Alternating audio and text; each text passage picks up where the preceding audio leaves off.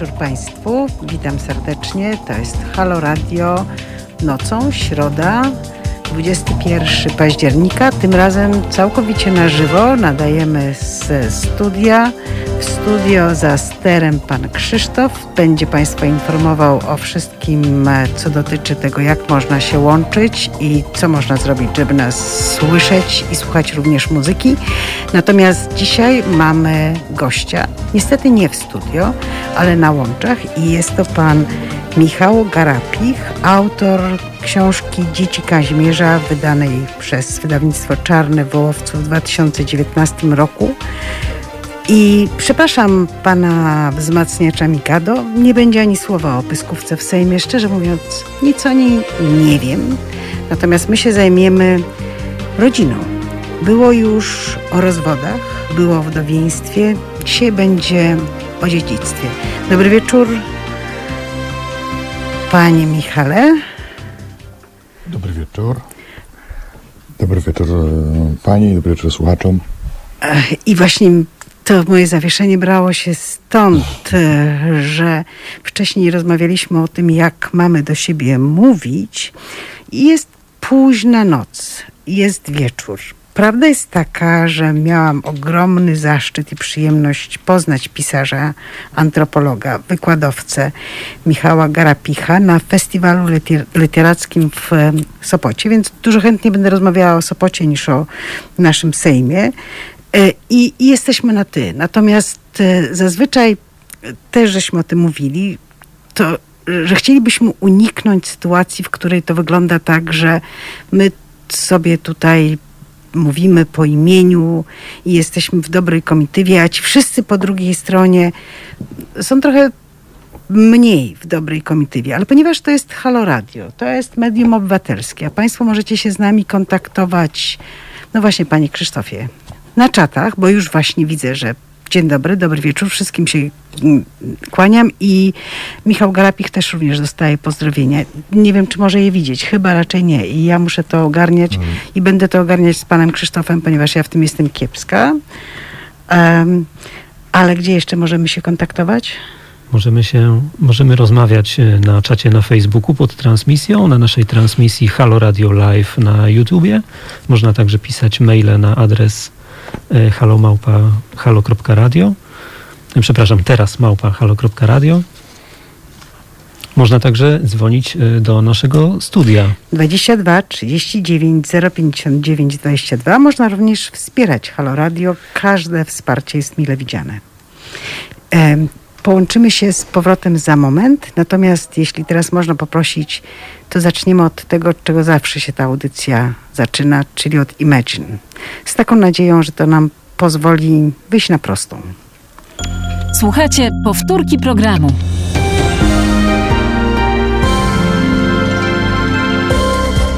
Halo Radio.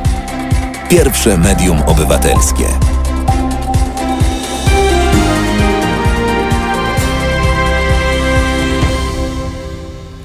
Dobry wieczór, wracamy, jesteśmy z powrotem i od razu może przechodzimy do książki. Ja pokażę, to jest książka Michała Garapicha Dzieci Kaźmierza, wydane przez e, wydawnictwo Czarne. Już chyba teraz mi wyszło to.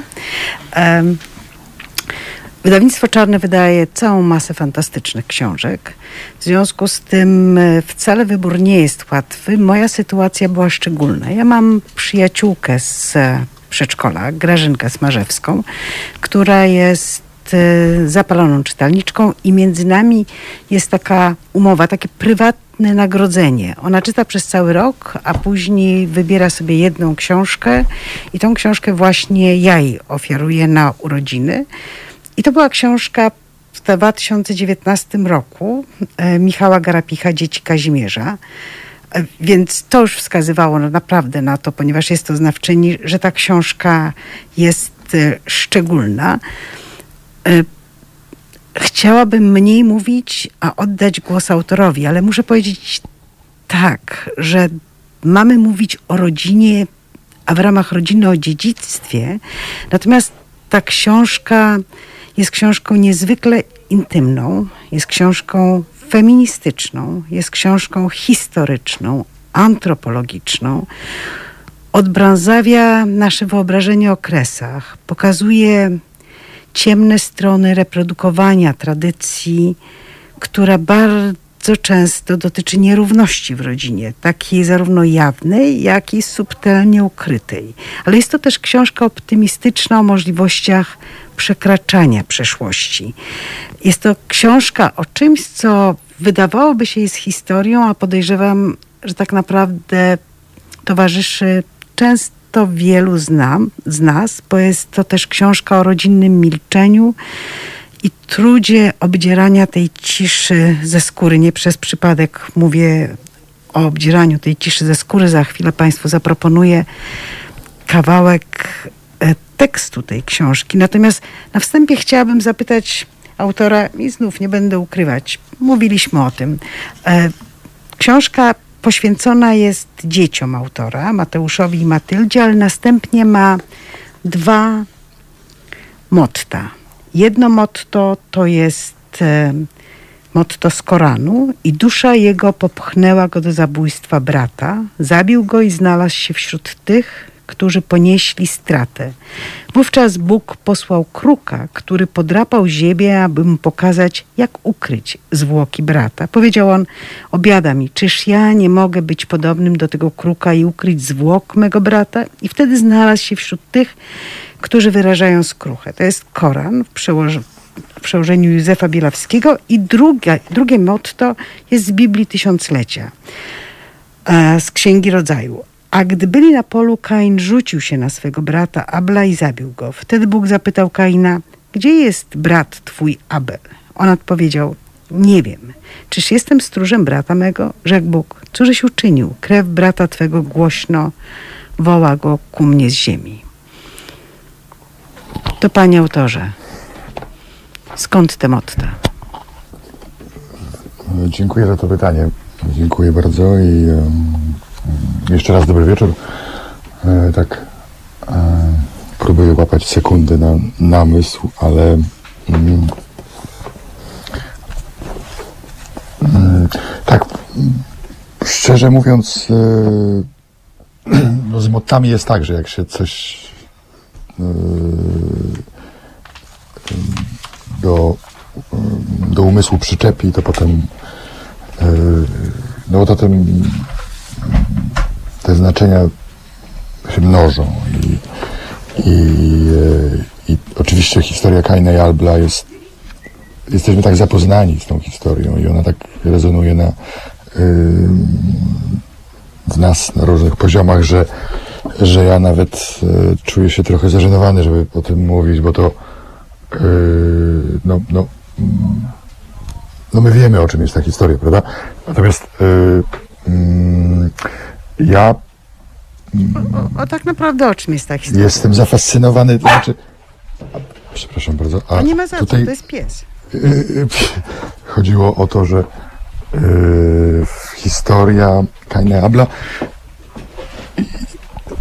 no może być opowiedziana prawda, w różny sposób i, i dlatego mnie tak przy, zainteresowała ten, ta wersja y, z Koranu, bo, bo to dla nas jest historia, jest ta sama historia, prawda, ale opowiedziana troszkę w inny sposób, z różnymi akcentami, z kilkoma różnymi wtrętami, które y, w wersji, których w wersji starotestamentowej nie ma.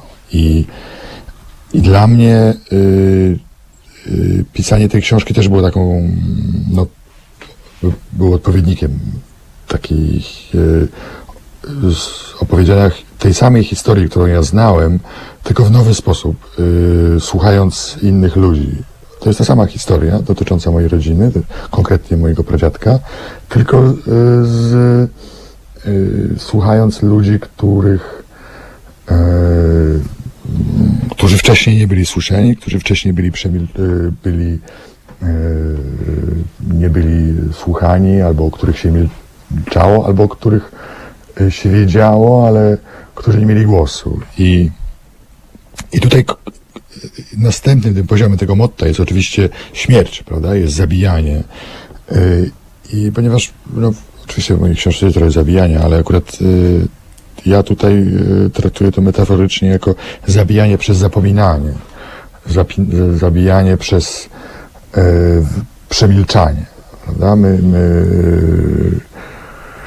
no, oczywiście słowo pisane teraz e, pozwala zapamiętać wiele rzeczy, ale pamiętajmy, że dawniej, e, jeszcze przed pismem, e, ludzie pamiętali ustnie i, i, i to było ich decyzją, czy kogoś zapamiętać, jakiegoś przodka, czy nie. I jak decydowali, że jakiś przodek nie jest warty pamiętania, to go o nim nie mówili i on w ten, ten sposób umiera. Prawda? My, my często posiłkujemy się tym wyrażeniem, że prawda, non omnis moriar, czy nie, nie, nie cali umieramy, bo o nas pamiętają potem potomkowie tak i tak dalej. Ale jeżeli potomkowie się uprą i o nas postanowią nas, o nas zapomnieć na amen i wygumkują i wymarzą, to, to tak jakby nas jeszcze powtórnie zabili. Więc i, i e, to motto e, generalnie ma, ma na celu oddanie faktu, że, no, że nasza pamięć tak funkcjonuje, że pewnych, ży- pewne rzeczy, pewnych ludzi, pewne wydarzenia, pewne uczucia utrzymujemy przy życiu, a inne decydujemy się e, pochować. I tutaj oczywiście y, tak, tak, tak, tak zmierzając do, do, do clue, y, jeśli chodzi jak to się ma do książki, no to w, w książce po prostu książka jest o, o, o, o konsekwencjach, czy o, i, opowiada o fakcie y, posiadania przez mojego pradziadka e, bardzo wielu dzieci. Przy czym niektóre tego, e, tego dzieci, tam mniej więcej, tak pi razy drzwi, jedna trzecia, było e, ślubna, czyli było nazywana konkretnie naszą rodziną, a reszta była nieślubnymi potomkami, nieślubnymi jego dziećmi z okolicznymi dziewczynami we wsi. Przed, e, To jeszcze chwilę poczekajmy, dobrze? Tak, tak, I oczywiście. mówmy się tak, że jak będę, bo ja nie jestem psychoterapeutką, ani na dodatek freudystką i w związku, a m- i nie jesteśmy na e, e, tutaj na żadnej sesji, mm, która by miała badać podświadomość i różne obszary, ale ja nie przez przypadek powiedziałam, że jest to książka niezwykle intymna tak naprawdę. E, I wydaje mi się, że to, że inne osoby mogły nie pytać o Abla i Kaina i o, to, o te dwa różne motta. O jedno motto, które daje szansę na skruchę i na wyjście z trudnej sytuacji.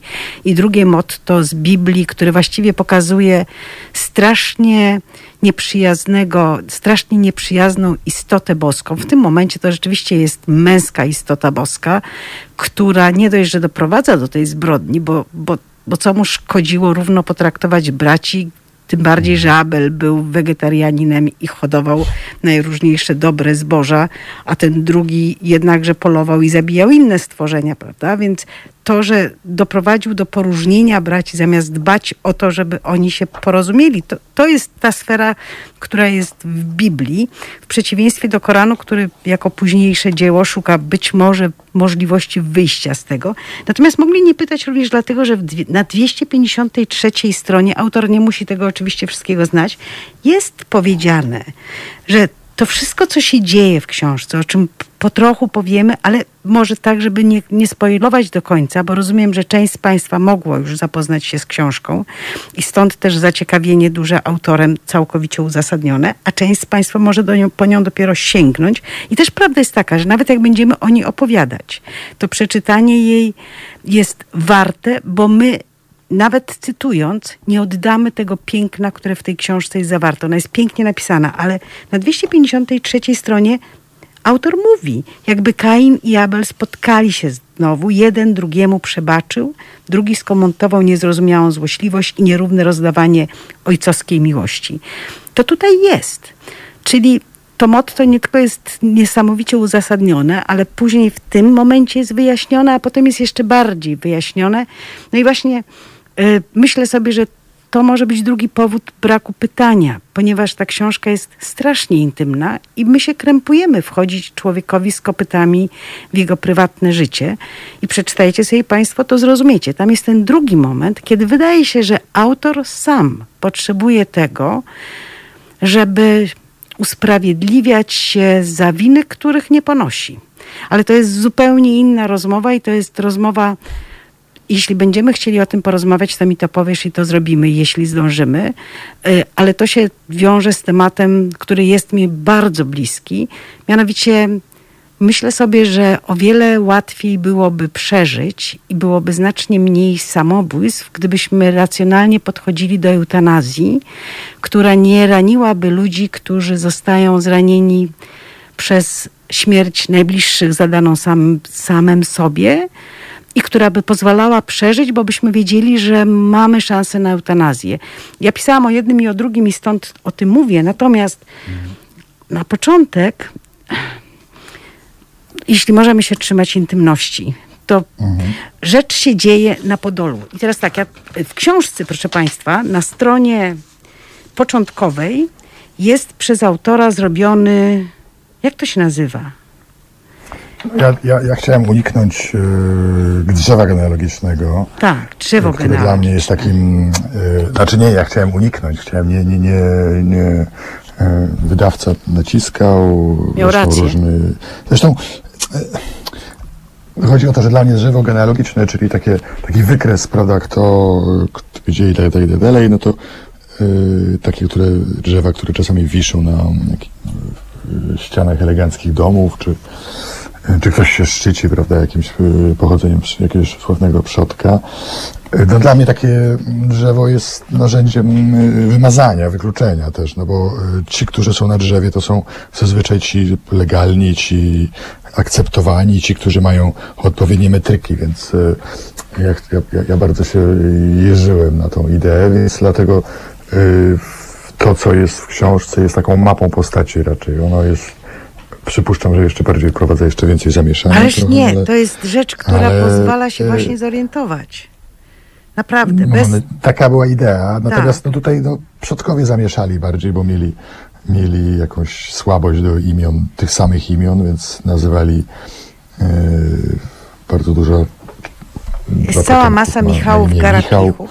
Tak. Oczywiście. Pawłów. I, i y, problem jest taki, że mm, no, no gdzieś tak y, po prostu postanowiłem, że stworzę mapę taką, która y, pozwoli się zorientować mniej więcej po tych, y, kto jest kim, aczkolwiek no, tytułowy Kazimierz miał no, tak y, to tego ja nigdy nie zliczę dokładnie, ale, ale gdzieś jestem w stanie wyśledzić no, no ponad 20 dzieci.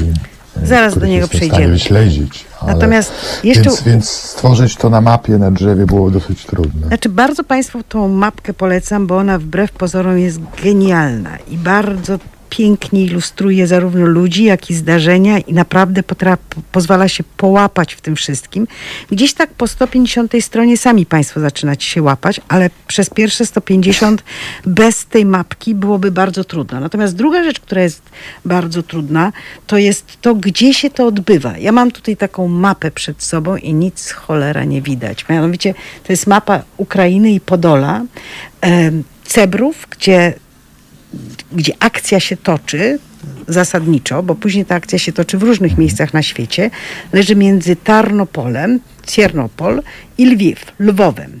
I to jest takie mała, mała miejscowość z boku, bardzo bardzo ładna, jak się ogląda ją na mapach i widać te satelitarne zdjęcia.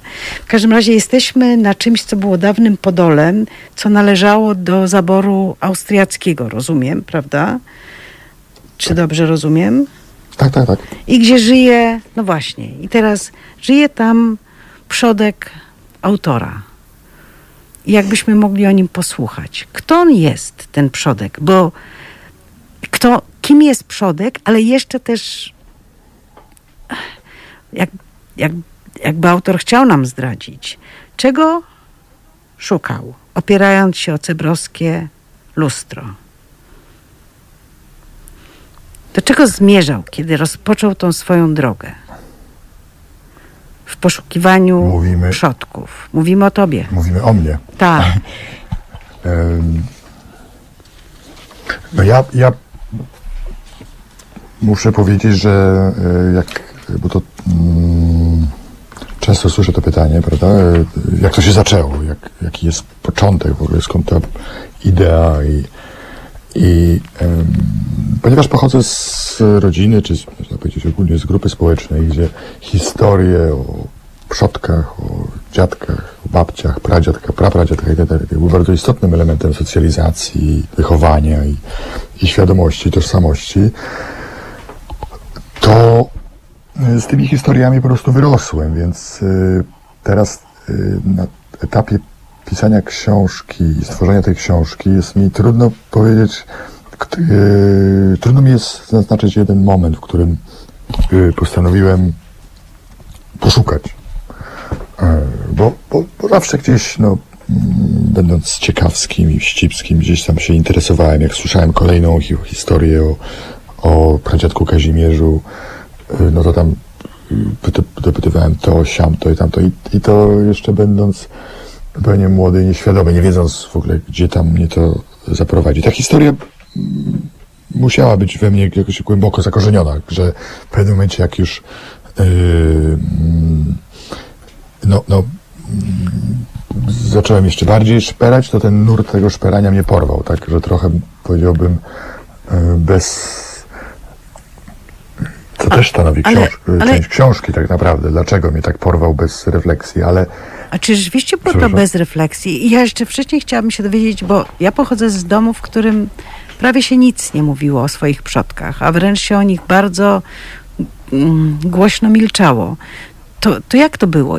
Jakie opowieści? Kiedy? Gdzie? Spotykała się rodzina? Przy stole siadali przy święt, na święta?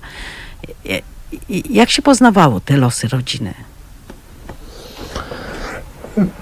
No ja myślę, że to była y, dosyć, y, dosyć częsty element życia y, rodzin podziemiańskich, które w PRL-u tam poza albumem i paroma pamiątkami i, i, i, pamięcią dziadka i babci, czy jakiejś starej ciotki niewiele miały. Oczywiście były rodziny, które więcej się udało ratować, ale, ale ja akurat pochodziłem z takiej, gdzie, gdzie no dosłownie, no, poza albumem ze zdjęciami właściwie nie byle było, więc y, myślę, że grupa społeczna, która w ciągu jednego pokolenia tak y, mm, spada z bycia elitą i z, w, jakim, dużym poczuciu własnej wyższości i, i własnej misji i, i przekonaniu naturalności tego, że, że, że jest na szczycie hierarchii y, piramidy społecznej, mm, nagle spada. Nie spada na sam dół, no ale generalnie nagle, prawda, yy, yy, no to mm, opowieści, yy, opowiadane mity, czy opowiadane historie, kto był kim, i legendy i tak dalej, czy, czy o świetności, czy o wystroju wnętrz, wystroju domów, których nie ma, wystroju przedmiotów, których nie ma, czy wyglądu przedmiotów, których nie ma, były próbą tworzenia tego świata, a przynajmniej przekazania młodszemu pokoleniu i jego, mm, no, jego kulturowej wagi. Więc yy, tutaj yy, oczywiście historia Kazimierza, Proniego Pradziadka była jakąś taką poboczną anegdotą w ogóle, która nie miała, wtedy nie była, to, to nie była naczelna historia, wiele innych historii było. Natomiast yy, ja tą historię Kazimierza jakoś, ona we mnie jakoś zaczęła szybko rezonować. Na tyle, że chciałem wiedzieć więcej, coraz więcej, coraz więcej. Wydaje mi się, że tutaj to, to do, dotykamy tego, co, co generalnie czyni trochę, szczególnie mm, no, polskie ziemiaństwo, czy postziemiaństwo, czy ziemiaństwo w czasach PRL-u, prawda, które, które pozbawione podstawy ekonomiczne musiały jakoś przetrwać i no, przetrwało całkiem nieźle w sumie, ale zachowując ten kapitał symboliczny, kapitał społeczny przede wszystkim tak naprawdę. Czyli- Czyli, taką świadomość swojej, swojej roli i tego, kim są, To jaka to jest rola? bez podstawy ekonomicznej. Jaka to jest rola? No, Kim się jest? Co wypada, czego nie wypada? Co należy robić? Jaką informację dostaje? No właśnie. No, że się jest kimś Młody- lepszym, że się jest kimś, e, którego nazwiska tam przodków gdzieś się prze, prze, prze, e, przewijają w kartach historii, że ten przodek, a tamten przodek gdzieś tam w takiej, takiej innej bitwie, że tutaj tak tak Aha, dalej, że- czyli jest się lepszym z tego e, względu, że się brało udział w bitwach, bo jest też... Znaczy, że przodkowie, że przodkowie gdzieś przewijają się przez karty wielkiej historii. O. Tak. I rzeczywiście Ale- ten przodek jest e, również posłem do Galicyjskiego Męskim, Sejmu oczywiście. Krajowego, tak? I Wiedeńskiej Rady Państwa. Em, bo rzecz się, też za chwilę powiem, jak się rzecz zac- zaczyna, ale mm, jak Państwu mówiłam, książka jest genialna, bo też tutaj jest bardzo wyraźnie powiedziane, co czyni kogoś e, lepszym. Harty, karty, konie, herby. Z tego budowało się prestiż i status odróżniający szlachcica od chłopa, bo szlachectwo jest tym, co się robi, nie tym, kim się jest. Czy to jest też wiedza, którą dostajesz jako małe dziecko? Jako ktoś, kto Nie, wzrasta? to raczej jest, Czy to jest już to, co do, to do czego raczej już- dochodzisz?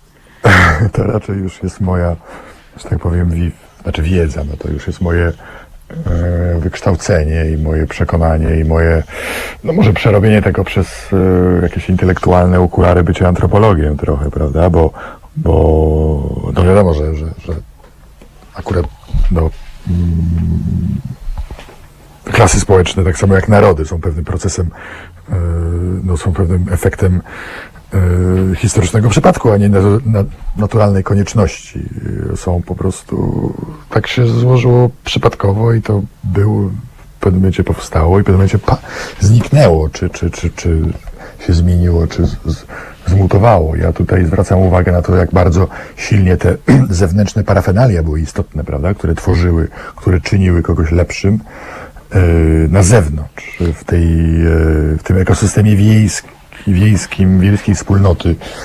e, Tam, Ale ty mówisz już o tym, ty mówisz już o tym, co było wcześniej, a mnie jeszcze przez chwilę interesuje to, jaką wiedzę ty żeś dostawał. Ja wzrastałam z taką wiedzą, Mhm. że e, wszyscy jesteśmy równi. To, to oczywiście była lipa, natomiast to mi bardzo pomogło w dzieciństwie w PRL-u.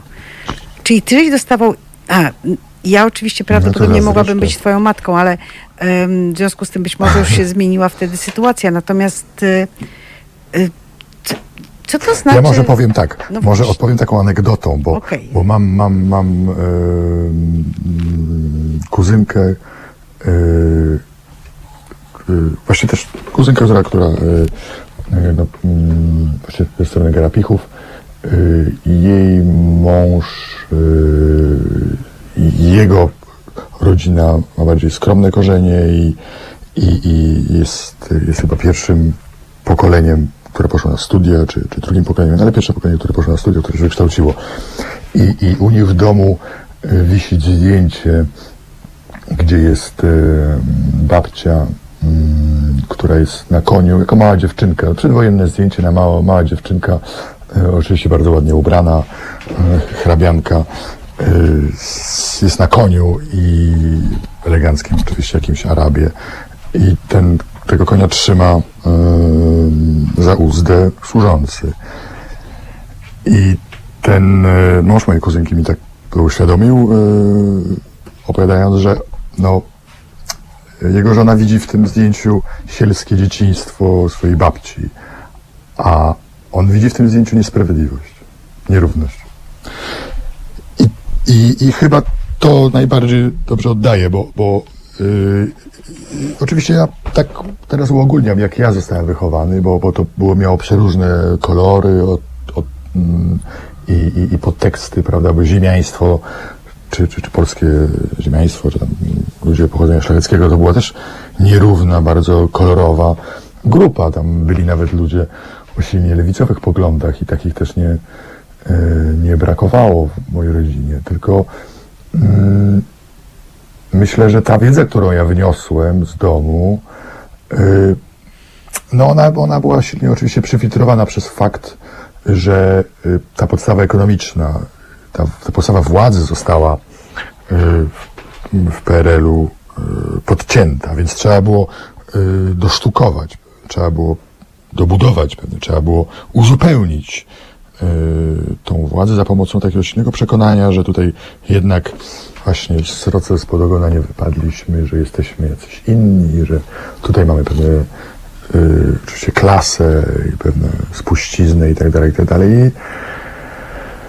Y, jak książka poniekąd gdzieś, ja nie wiem czy o tym opowiada, no generalnie z, y, opowiada o, o, o, o, o czymś, co y, uzupełnia tą historię w jeszcze w inny sposób, wydaje mi się. To jeżeli będziemy za chwilę mogli już e, rzeczywiście przejść do Kazimierza i do momentu, który otwiera książkę, który jest niezwykle ciekawy, to byśmy to zrobili, ale może po krótkiej przerwie, a będziemy słuchać jakiej muzyki? Dziękuję bardzo za przygotowanie muzyki, bo staraliśmy się dobrać również uwzględniając e, życzenia gościa, muzykę, która ilustruje to, że mówimy o rodzinie i o relacjach rodzinnych.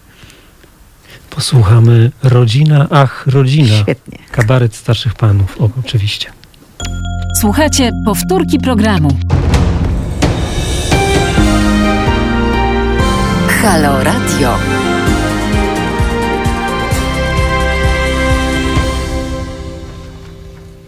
Wracamy do studia. Studio Michał Garapich. Po drugiej stronie tak naprawdę wody. E, Ja w studio w Warszawie. Mówimy o książce Michała Garapicha Dzieci Kazimierza.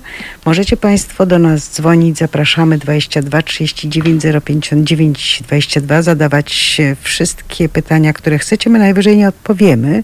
Dziękuję za komentarze. Za sterem pan Krzysztof, który wie jak się łączyć. Gdyby takie pytania były, to proszę do niego. A my zaczniemy może od cmentarza, co? Ponieważ akcja książki Dzieci Kazimierza zaczyna się symbolicznie. Zaczyna i kończy na cmentarzu I kończy tak naprawdę. na tak, cmentarzu. Chyba właśnie dlatego, że na cmentarzu się zaczyna. E, A gdybyś chciał trochę opowiedzieć, co się na tym cmentarzu dzieje i o czym to świadczy? E, tak, no. E,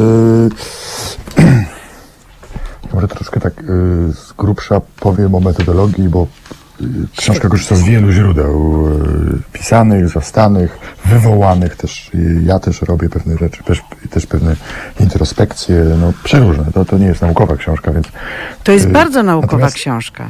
tak. Sprzeciwiam się, Aha. tak, to jest bardzo naukowa Okej. książka, ja to o tym później jeszcze powiem.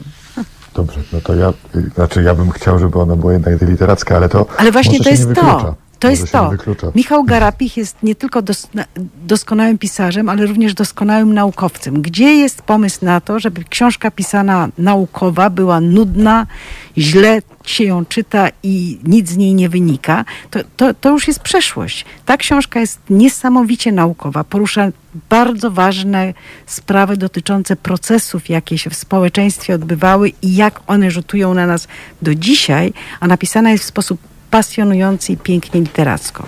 Hołk, Dziękuję oddaję bardzo. głos. No właśnie, to, to po tym, e, to nie wiem, w takim razie to nie będę mówił o metodologii, tylko powiem o tym, że Nie, nie. e, w jednych z pamiętników, które rodzinnych, e, które gdzieś tam były w rodzinie, dalej są tam przepisane na maszynie i, i, i gdzieś tam się szwędają po rodzinie, stryja Pawła, czyli brata Kazimierza, taki po prostu opis mi się zasz, żeby się rzucił e, w oczy. On, on był trochę grafomanem, on strasznie dużo pisał i, i, nie, niekiedy to było strasznie nudne, ale ten opis e, dotyczył e, ekshumacji, czyli tego, że w pewnym momencie, e, że jego ojciec e, uznał, czyli Michał Garapich, kolejny Michał Garapich, to już Państwo się już pogubili, ale y, jego oj- ojciec Pawła, tego piszącego pamiętniki, czyli ojciec Kazimierza też uznał, że, że y, jego ojciec, czyli Władysław Garapich, y, powinien mieć nowy grób.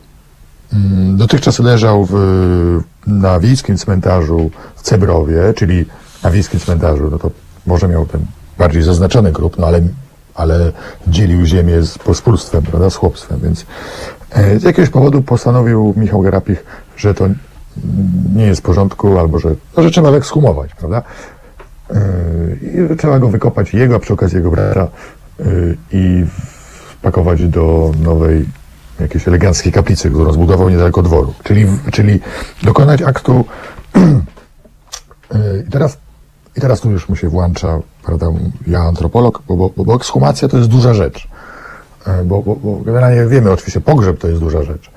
Yy, Ale ekshumacja to jest tak jakby, tak jakbyśmy chcieli cofnąć czas, tak jakbyśmy chcieli znowu zaingerować w świat yy, yy, zmarłych. Chcielibyśmy znowu przekroczyć tą granicę dzielącą z żywych i zmarłych. Dlatego do ekshumacji trzeba mieć konkretne powody, prawda? No wiadomo, to yy, w kryminalistyce wiadomo, to jest nie taka, Szukamy- nie takie hop. Nie można sobie zbrodni.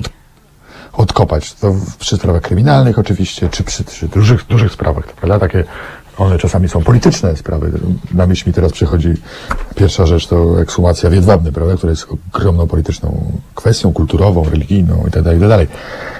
Ale tutaj yy, te 100 lat temu, czy tam więcej niż 100 lat temu, mój prapradziadek zdecydował, że trzeba wykopać swojego ojca i brata. I przyczyny były, i teraz ja oczywiście daję w, tym, e, w pamiętnikach, nie ma tak konkretnie napisane dlaczego, o co chodziło, czy, yy, czemu się on się zdobył na taki gest, ale, ale zważywszy na tabu wokół wykopywania zwłok, yy, które jest dosyć akurat w chrześcijaństwie, w judaizmie też jest bardzo, w judaizmie oczywiście jest bardzo silnie znaczone, bardziej niż w chrześcijaństwie.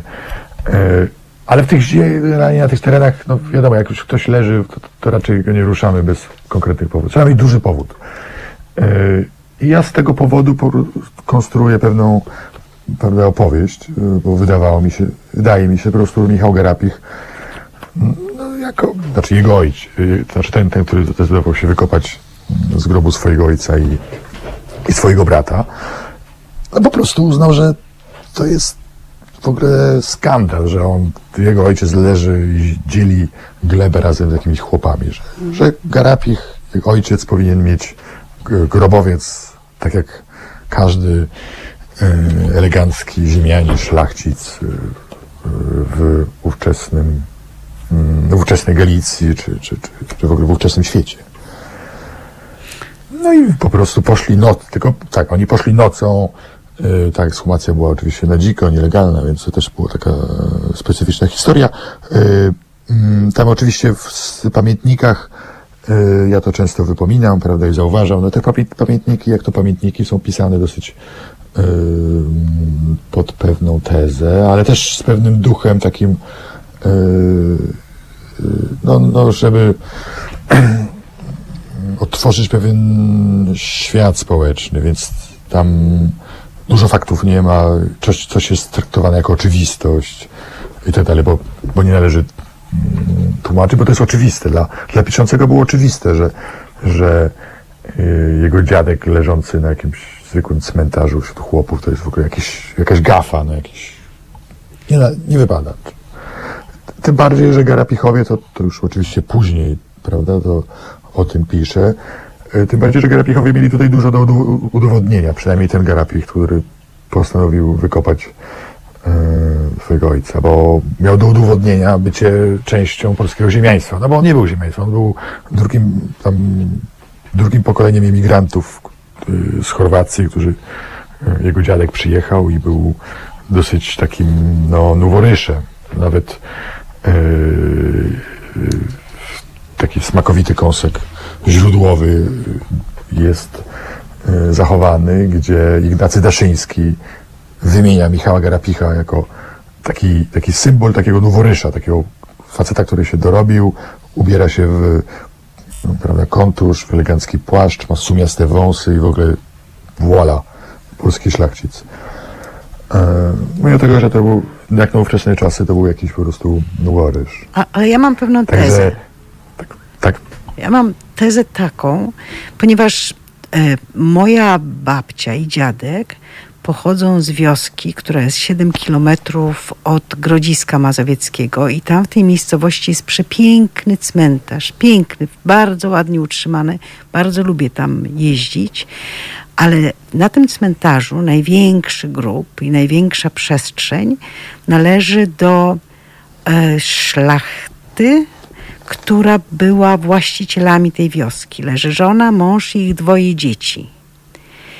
I em, niejako ci wszyscy dookoła, to chłopstwo pochowane tam, to są podmioty, które w tej wiosce żyjąc, no może nie należeli do tego państwa, ale byli z nimi w jakiś sposób, byli im podporządkowani. Moja teza jest taka, że to by być może świadczyło o tym, że historia tych ludzi jest nieco inna, w każdym razie tego mężczyzny, który był właścicielem tej wsi i tego majątku w tej wsi. Dworek dalej tam istnieje i jest tam teraz dom dla starszych osób, że być może on nie miał tylu dzieci, co Kazimierz. I być może to jest Znaczy, powód, to- dla którego tak bardzo potrzebne było wyróżnienie się i odróżnienie, ponieważ wiadomo było, że dzieci Kazimierza leżą obok niego.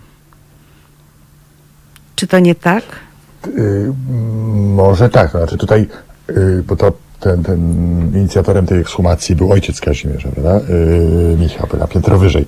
On też, on też y, miał y, tam, y, dzieci nieślubne z okolicznymi chłopkami. Zaraz, to Yy. ojciec Kazimierza wywala swojego syna stamtąd?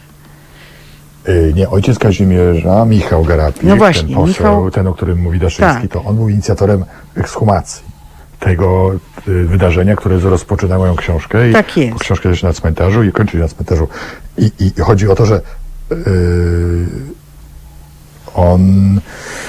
y, to znaczy, oczywiście, bo, to, bo to jest jeden mikrokosmos jednej wsi i, i, i y, przypuszczam, że były przeróżne e, konfiguracje, przeróżne e, rodzaje relacji między e, dworem czy państwem a chłopami. To, to, to, to, to zależy od masy Czyli Władysław różnych nie ma tylu dzieci, tak?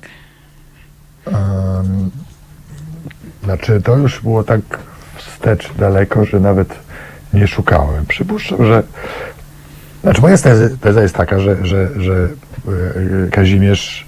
Znaczy, teza, no to, to, to jest zresztą ona potwierdzona w wielu innych źródłach, e, że Kazimierz nie był jakimś fenomenem e, rodzinnym. On nie miał jakiegoś e, de, defektu genetycznego powodującego ogromne libido i, i tak dalej. To było normalne, powszechnie akceptowany przywilej, i, i, i z którego korzystali y, mężczyźni, mm, panowie tamtych czasów. Feudalnej, pofeudalnej y, y, Polski, przedwojennej i tak dalej. Bo to, To, to powiedzmy, o czym my mówimy tak naprawdę w tym kraju, Mówimy w którym o przemocy tradyc- seksualnej. Mówimy A, o, to wielkie mówimy słowo. O, mówimy o, nie, mówimy o seksualnym wymiarze gospodarki folwarcznej. Mówimy o tym, że, bo my oczywiście wiemy o, o dużo o, o nierównościach eko- ekonomicznych, o prawda, produkcji e, rolnej i tego, że tam chłop musiał najpierw tyle, potem tyle, potem jeszcze więcej, potem w ogóle stał się niewolnikiem, prawda, przez te kilkaset lat w Polsce. I, i, I na tym się skupiamy oczywiście, na tych relacjach ek- ek- ekonomicznych. Natomiast e, w tym ekosystemie społeczno-kulturowym wsi wydaje mi się, że umyka, umykało nam, bo ja nie spotkałem się z badaniami konkretnymi na tym, ale umykało nam, umykał nam element seksualnego wymiaru tej władzy. Znaczy to, że, że, że na szczycie piramidy stojący człowiek, znaczy mężczyzna, przepraszam, pan, to był patriarchat, oprócz tych plonów, tej, nie wiem, z tego zboża, tego, tego pola, którego tam uprawiał chłop, no nie wiem, od czasu do czasu jakiś e, no, przeróżnych e, zasobów e, dawanych mu na podstawie siły mięśni chłopów. E, między innymi jedną z form zapłaty był dostęp do kobiet. I, I mówimy młodych, o tym, e, jesteśmy w, chłopskich. jesteśmy w I, i Polsce. tylko, przepraszam, y, nie, bo, bo to tak mówię o tym bardzo w takim ogólnym sk- skrócie, ale to był fenomen powszechny, znaczy na, nie, nie mówimy tutaj o Polsce feudalnej, tylko o, Polsce feudalnej, tylko o, o, o całej Europie i w różnych kontekstach, gdzie ten seksualny wymiar tych nierówności y, zawsze był.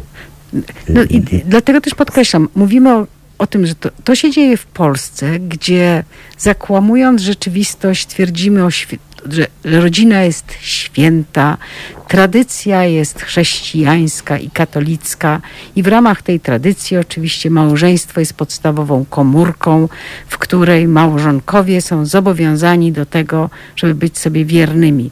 Ja strasząc pana autora e, podrzuciłam e, mu e, artykuł, który, który Państwu w razie czego polecam, jeśli by ktoś chciał. To jest artykuł Agnieszki Ogrodnik-Kality. Kilka uwag o bezwzględnie wiążącym charakterze norm prawnych regulujących prawa i obowiązki małżeńskie, które jest y, wydane w Prawo i Więzi numer 3 jesień 22. Świetnie napisany artykuł, tak naprawdę szalenie prawniczo.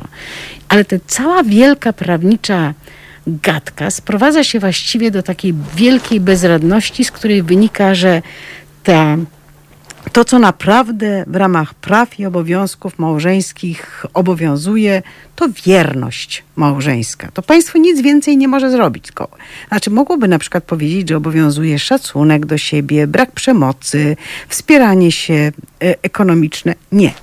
Tak naprawdę takim kryterium sprawdzającym jest wierność małżeńska. Tymczasem książka Michała Garapicha pokazuje, że rzeczywistość wygląda nieco inaczej, bo teoretycznie pan niekoniecznie jest wierny, prawda?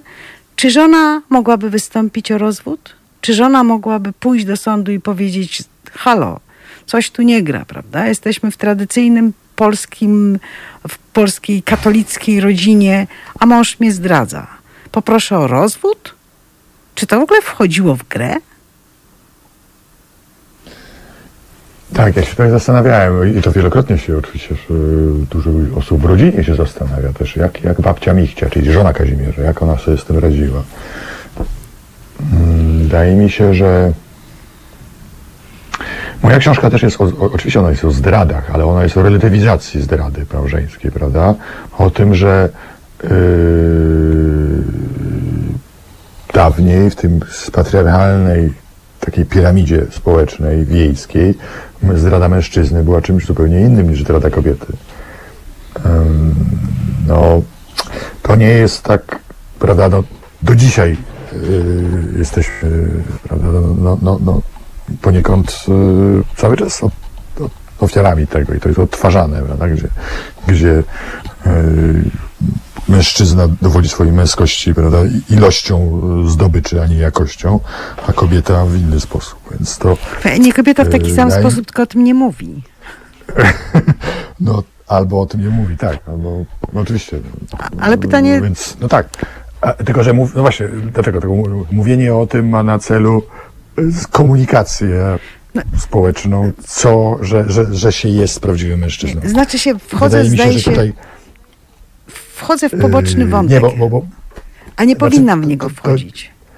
Znaczy, to znaczy, yy, bo ta książka też jest o tym, prawda, czym jest zdrada małżeńska, ale też jak ona się, jak się zmienia stosunek, jak, jak w, jakim, jakim momencie oczywiście to jest tylko zarysowane, prawda, ale, ale yy, też tak bardzo delikatnie, no, co, co, że, że, że, że w pewnym momencie kobiety, które, które mm, zdobywają wykształcenie, albo zdobywają świadomość, albo zdobywają sposób na y, kontrolę reprodukcji i kontrolę nad, y, i są w stanie odwrócić tę, sytuację, czy, czy prawda. przynajmniej się zbuntować. To prawda, tylko że dla mnie to, co jest niezwykle cenne w tej książce, to jest to, że ona rozbija taką naszą te wyobrażenie o tym, jak to w przeszłości było cudownie i wspaniale, a rodzina była trwała i ścisła. Natomiast jednocześnie ta książka No nie, no. pokazuje bardzo wyraźnie, i za pięć 12 będziemy musieli pójść do hymnu.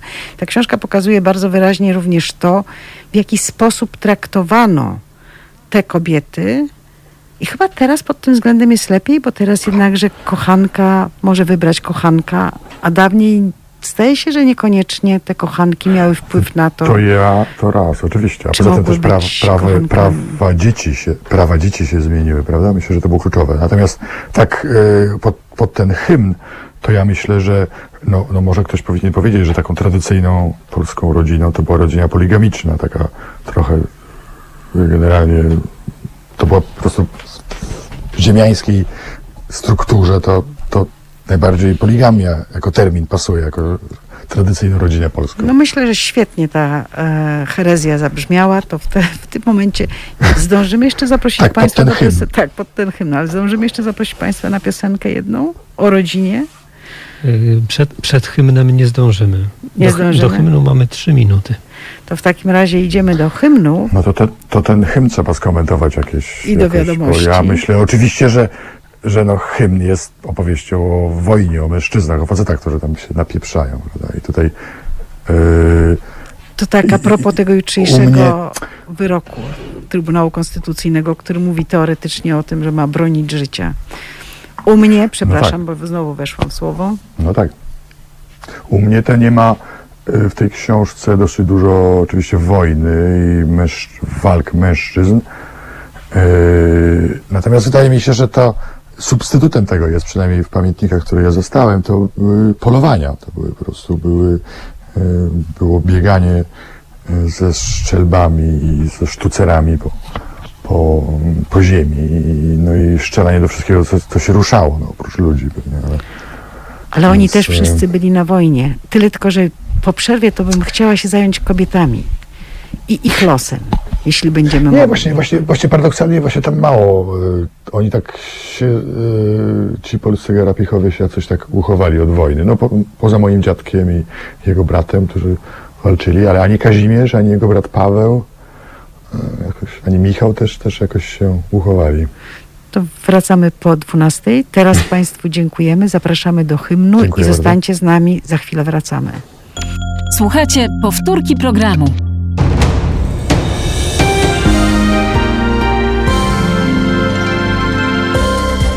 Halo Radio. Pierwsze medium obywatelskie.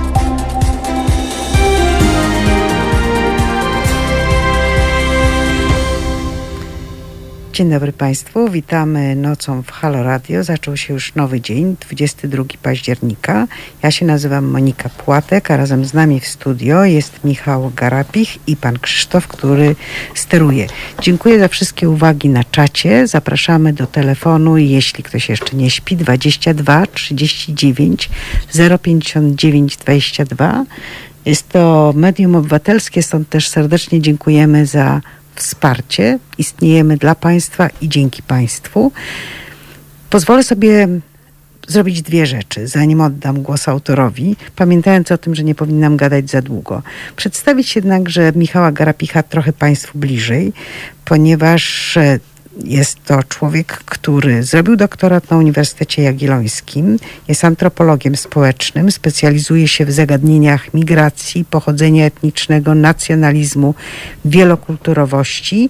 Pracuje na, e, uniwer- na uniwer- Department of Social Sciences University of Roch- Roehampton e, w Londynie. I jeśli byś pozwolił, pozwoliłabym sobie na zacytowanie małego wycinka z książki, można? Oczywiście, I to będzie, masz lepszą dykcję ode mnie, więc to będzie to, co tak naprawdę znajduje się na końcu tej książki. I idzie tak. Ta historia się nie kończy. W nurcie, którym od 200 lat płynął związek jednej rodziny z jedną wsią na Podolu, było pełno zakrętów, dużo radości, śmierci i łez, ale trzeba było odpowiedniej perspektywy, żeby dostrzec, że ta rodzina że rodzina ta była w rzeczywistości plemieniem złożonym z setek ludzi połączonych więzami nierówności. W tej historii było przede wszystkim dużo milczenia, które pęczniało i dojrzewało we mnie, by pewnego dnia dać tę wielowątkową i beznadziejnie poszarpaną opowieść. Nie kończy ona jednak tego milczenia, jest raczej krzykiem Marsjasza, bo głos ma zawsze swój początek i koniec, a cisza przed nim i po nim trwa. Bo dzieci Kazimierza, tych, o ile mi wiadomo, bo przecież nigdy nie będziemy wiedzieć na pewno dwudziestu kilku cebrowian, to nierówno poszerugowane rodzeństwo, a także ich potomstwo nadal będą przekazywać przyszłym pokoleniom przekleństwo nierówności i radość rzadkich momentów jej pokonywania. Jakbyś nam zechciał, to ja czytając tą część miałam dreszcze, ponieważ przypominając historię Marsjasza, która sprawiła, że przestałam lubić Apollina. Był to Bożek, jeśli wolno tak nazwać, który, który doskonale grał na flecie i wyzwał on Apolina. Satyr, no dobrze. I wyzwał Chyba- Apolina Teraz, tak, wiem. w zawody. I te zawody wygrał. On się, on się zgodził pod warunkiem, że mm, że ten, kto wygra, będzie mógł z tym drugim zrobić, co zechce. I go oberwał ze skóry, bo wygrał. Więc ten, to, to, to zresztą możecie Państwo obejrzeć na wspaniałych obrazach, ponieważ ten wątek malarzom bardzo odpowiadał. Ale przywołanie Marsjasza tutaj w relacjach rodzinnych to mocna rzecz. I jeśli moglibyśmy teraz porozmawiać o tym, co ta książka robi, bo ta książka tak naprawdę oddaje sprawiedliwość i sprawia, że te nierówności nawet być może mogą zniknąć, ale gdybyśmy mogli porozmawiać o kobietach i o ich losie i o tym, ile ich było i jak one żyły. Będąc cały czas rodziną. Bardzo dziękuję za ten fragment. E, Sam się wzruszyłem, ale szczerze mówiąc, e, e, wiesz co, mm, no tak, no bo tak wydaje mi się, że sama swojego zawodu też wiesz, że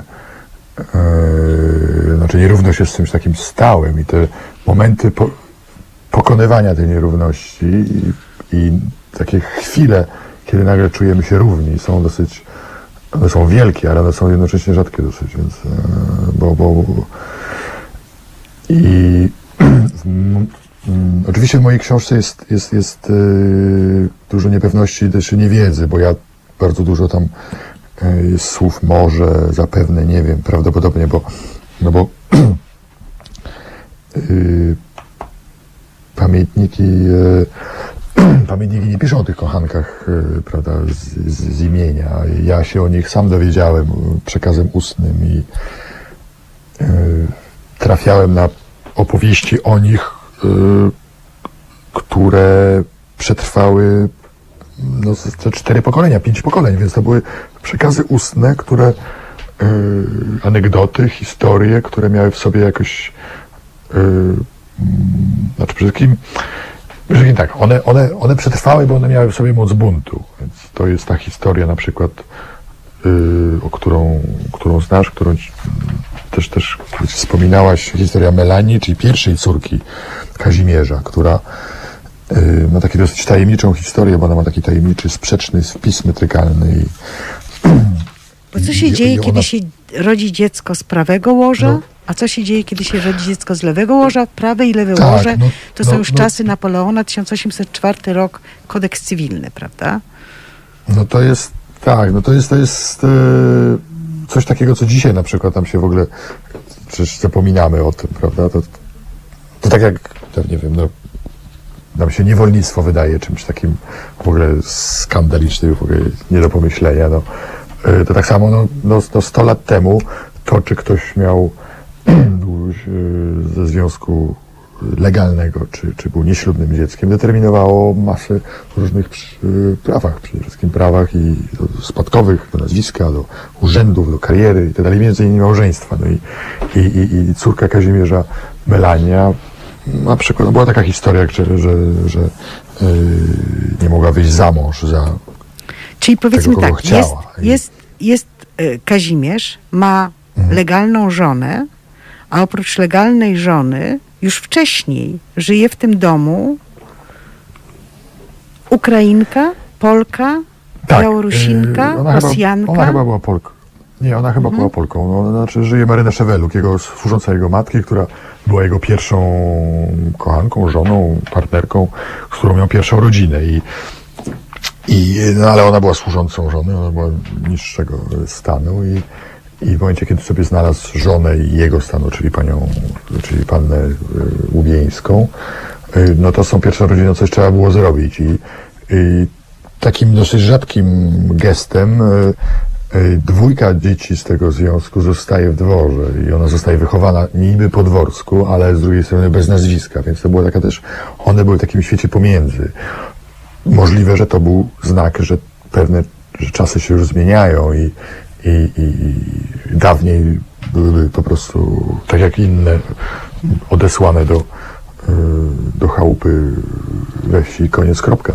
A tutaj, e, no, to jest zawiła historia, tutaj nawet nie jest w stanie tak właściwie sensownie streścić, zapraszam do książki, natomiast chodzi o to, że e, w rodzinie Melanii i jej potomków, i jej krewnych, przetrwała do mnie którą sam usłyszałem i sam dotarłem do tej historii, historia pewnego buntu, historia dotycząca, że ona poprosiła o nazwisko, co było, poprosiła, bo chciała być grapiszanką, chciała być, mieć nazwisko, żeby się ożenić z tym oficerem. Ojciec jej powiedział nie, Kazimierz odmówił yy, i, i, i, yy, I czym odmowę, powodowało oczywiście czym odmowę uzasadnia? Bo to jest też coś, czego ja, znaczy prawdopodobnie No ja to znam pokazuje- tylko oczywiście z przekazów ustnych. Ja to tylko znam z, ust, z ustnych przekazów, Ale no możemy- się domyślać, ale z ustnych przekazów. No przede wszystkim no, no chodziło o to, że, że no, no nie może yy, dać nazwiska yy, nieślubnej córce ze względu na pozycję, ze względu na to, że to matka była służącą, ze względu też na prawo spadkowe, że tutaj nagle będzie miał yy, jego legalne dzieci będą mieć yy, konkurencję, a dwa, że on miał wtedy kilkanaście innych nieślubnych dzieci. No to jak jedną uzna, no to... Więc nie, no to, to były takie czasy, że się po prostu yy, jedne dzieci mm, miały, jedne dzieci tego samego człowieka miały po prostu więcej praw, inne mniej, co, co, dzisiaj nam się wydaje nie do pomyślenia. Natomiast yy, ze względu na yy, równość, yy, znaczy równouprawnienie dzie- dzieci. I teraz tylko chodzi o to, że, że ta historia mm, Melanii ma o tyle koniec, że ona mm, jej potomkowie i jej, no jej potomkowie postanowili w pewnym momencie o jakby Kazimierza wykreślić z, ze swojego życia. I jak ja y, próbowałem się do nich dostać, żeby im zapytać, to oni mnie y, mm, odmówili. I, I to było chyba najbardziej takie, no moim zdaniem, godne szacunku prawo do pewnej y, zemsty albo pewnego zapomnienia też, prawda? Bo tutaj zapominany jest nie tam ktoś, kto bez, był, nie miał głosu y, niepiśmienny i tak dalej, tylko zapominany jest właśnie ten, który był kiedyś sprawcą jakiegoś bólu, dawno, dawno temu. Druga taka historia, która jest bardziej dramatyczna, dotyczy też, też ustny przekaz y, po- córki, z kolei brata y, Kazimierza, Pawła, k- y, gdzie też córce chodziło o, o, o, nazwisko i ona w pewnym momencie y, no, wyciąga broń i, i, i grozi Pawłowi Garapichowi mm, szczelbą, że go zastrzeli. Y, Tylko mówię o tym, dlatego, że to, to są historie, które ja zasłyszałem. I chodzi o to, że to, że je usłyszałem po 70, 100 latach, znaczy, że w nich jest siła emocji, siła buntu, siła y, morału mówiącego o niesprawiedliwości. Y, co wszystko wskazuje na to, że jednak ci słabsi, bezbronni, czy ci na niżej w hierarchii, y, też mają jakąś broń. Też, też, też mogą się bronić. Znaczy, to jest bardzo miłe, co ty mówisz, ale też jest bardzo charakterystyczne i dla mnie wartość tego, o czym piszesz i to, jak piszesz, jest jeszcze w czymś innym. I, i stąd też dla mnie dzieci Kazimierza, ja mam taką własną, własną biblioteczkę, która wyjaśnia nam, Polkom i Polakom, kim my jesteśmy, skąd jesteśmy i dlaczego mamy dzisiaj takie, a nie inne problemy. I to dzieci Kazimierza się wpisują właśnie w tą opowieść, która, która demaskuje, rozbraja, niszczy pewne mity, które są po pierwsze nieprawdziwe, po drugie szkodliwe.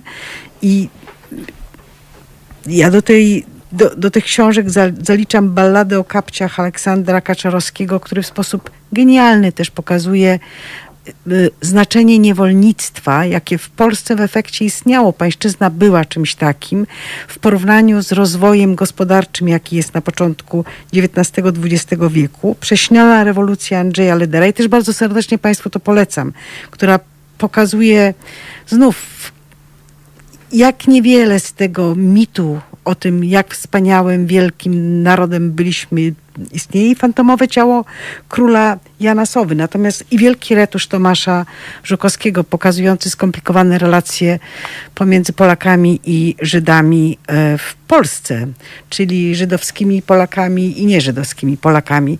Natomiast e, to, to o czym ty piszesz, pokazuje z jednej strony, jak naprawdę wyglądał ten świat przed pierwszą wojną światową, to, to, to całe ziemiaństwo, które jest takie wyśnione i wymarzone, jaki był stosunek panów polskich do ludzi, którzy wokół mieszkali. I ta wieś, dworek był polski, ale wieś była tak naprawdę bardzo często ukraińsko-rosyjsko-białoruska i trochę polska, prawda? I też e, pokazując te relacje, które jestem jak najdalsza od tego, żeby że- żeby posługiwać się tym prezentyzmem, przed którym mnie zawsze docent Rozner przestrzega, że tego nie należy robić, ale te, no właśnie ten poziom nierówności i poczucie nierówności jednakże jest już wtedy bardzo widoczne i można powiedzieć tak, no oni byli zobowiązani tym prawem, które obowiązywało, ale widać te kobiety, które są dużo bardziej radykalne od tych mężczyzn, bo ja nie tylko nie rozumiem tego Kazimierza, który nie daje dziecku nazwiska, którego o to prosi, e, ale też nie rozumiem tego ukochanego, tego narzeczonego, który odmawia wzięcia ślubu z kobietą tylko z tego powodu, że jej ojciec odmawia jej nazwiska. Ale pewnie to źle o mnie świadczy. Natomiast chciałabym zapytać o co innego, bo Twoja książka pokazuje, co się dzieje po II wojnie światowej. I ty opowiadasz o, o rodzinie, która raptem czuje się zdegradowana.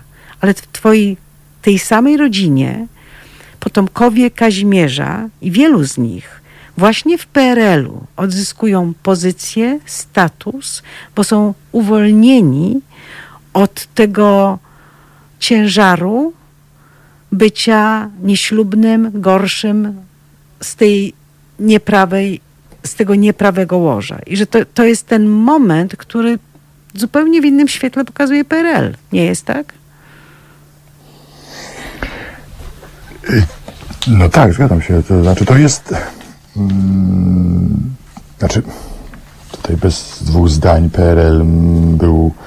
Yy, s- tak ogó- uogólniając oczywiście, prawda, mówimy, ale pewnym po prostu mechanizmem zrównującym szanse jednych i drugich. I, i jeśli zwłaszcza jeśli chodzi tutaj prawo rodzinne i prawo dziedziczenia i tak dalej.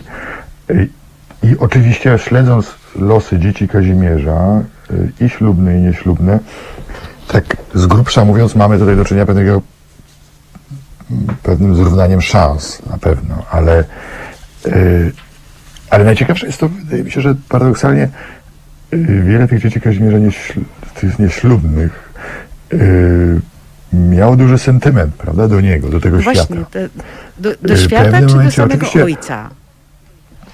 No więc, no więc tutaj myślę, że dotykamy sedna tej kwestii, bo y, mówimy tutaj o bardzo takim zawiłym, skomplikowanej sytuacji, w których y, ojciec jest nies- niesprawiedliwy z uwagi na prawo i, i, i zwyczaj, prawda? Bo ojciec, tak jak ten biblijny y, ojciec w historii z Kainem i Ablem, który ma y, jedne dzieci, którym daje nazwisko i prestiż i cały, oczywiście i, i, i- i spadek i cały majątek, a innym daje ochłap tak naprawdę, trzy morgi pola. No i tak było, można argumentować, że tak to było nieźle, ale ochłap. Generalnie traktuje ich skrajnie nierównie. I, I ja zastanawiam się, jakie to emocjonalne koszta za sobą niosło. I oczywiście w, staram się wczuć tą sytuację. On możliwe, że y, czuł się, że musi im wynagrodzić, musi ich bardziej kochać. Zresztą mm, może tak było, nie wiadomo. Ale wiesz co, to co ty Natomiast mówisz, to jest... PRL, PRL miał... Tak? Bo to jest niesamowite, bo to rzeczywiście opowieść o Kainie i Ablu może być też taką opowieścią dla ludzi u władzy, że mają prawo nierówno traktować ludzi Mhm. i sobie wybierać według własnego, własnego widzimisię. Widzimisię. Zupełnie widzimisię. O tym nie pomyślałam. Dziękuję. Ale jednocześnie tutaj jest, pamiętajmy, że to jest sytuacja ojca, który jest emocjonalnie związany. No jednak, no, no, no, no trzeba być nieczułym, żeby nie, żeby serce ojca nie zmiękło na widok ser- swojego dziecka, nawet jeżeli jest nieślubny, prawda? No to, to jest, wiadomo, no, różnie ludzie na to różnie reagują i teraz, yy, wydaje mi się, że, no nie wiem, no, prezydent gdzieś musiał im emocjonalnie pewne rzeczy dawać, na pewno, że oni, ja, ja może poza sytuacją z Melanią, gdzie spotkałem się z ze strony jej potomków z milczeniem, które bardzo szanuję, które podziwiam tak naprawdę, bo które jest, to jest oznaka pewnego buntu i takiego, e, to poza tym e, spotkałem się raczej z opowieściami e, e, pełnymi ciepła.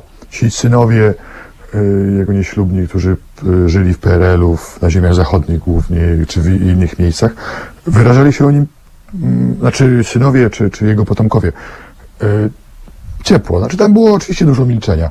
Niektórzy wstydzili się tego oczywiście, nawet jeszcze w PRL-u, e, piętna nieślubności. To, to, to, to były bardzo skomplikowane historie. Natomiast oczywiście w sensie socjologicznym awansu społecznego, tak, no oczywiście oni mieli dużo więcej e, szans. Natomiast wydaje mi się, że korzystali też z tego wychowania, bycia.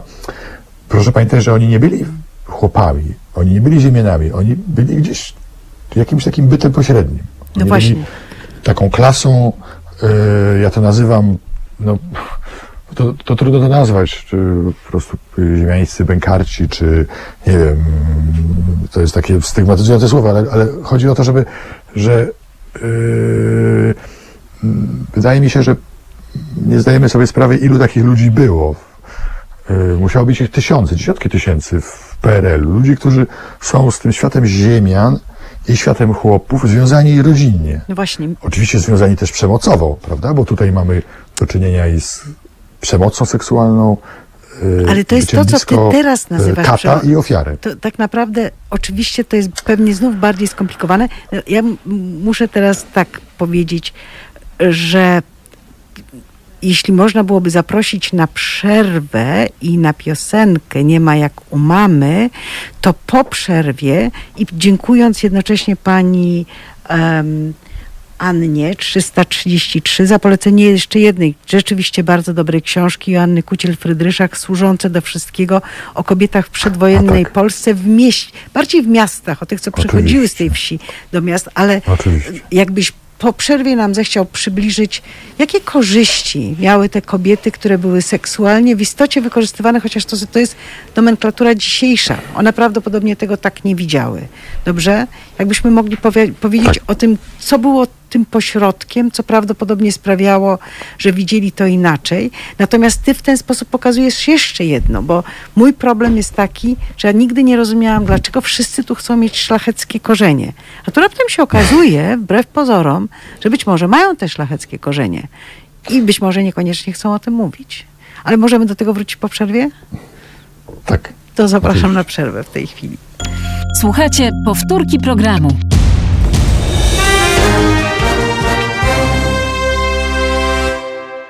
Wracamy do studia. Gościmy dzisiaj Michała Garapicha, autora książki Dzieci Kazimierza. O tej książce rozmawiamy i rozmawiamy w związku z książką o dziedzictwie. Ja się nazywam Monika Płotek, a chętnie jeszcze Państwu polecę jeszcze jedną książkę Ewi Winickiej Angole, wydanej przez wydawnictwo Czarne Wołowiec 2014 rok.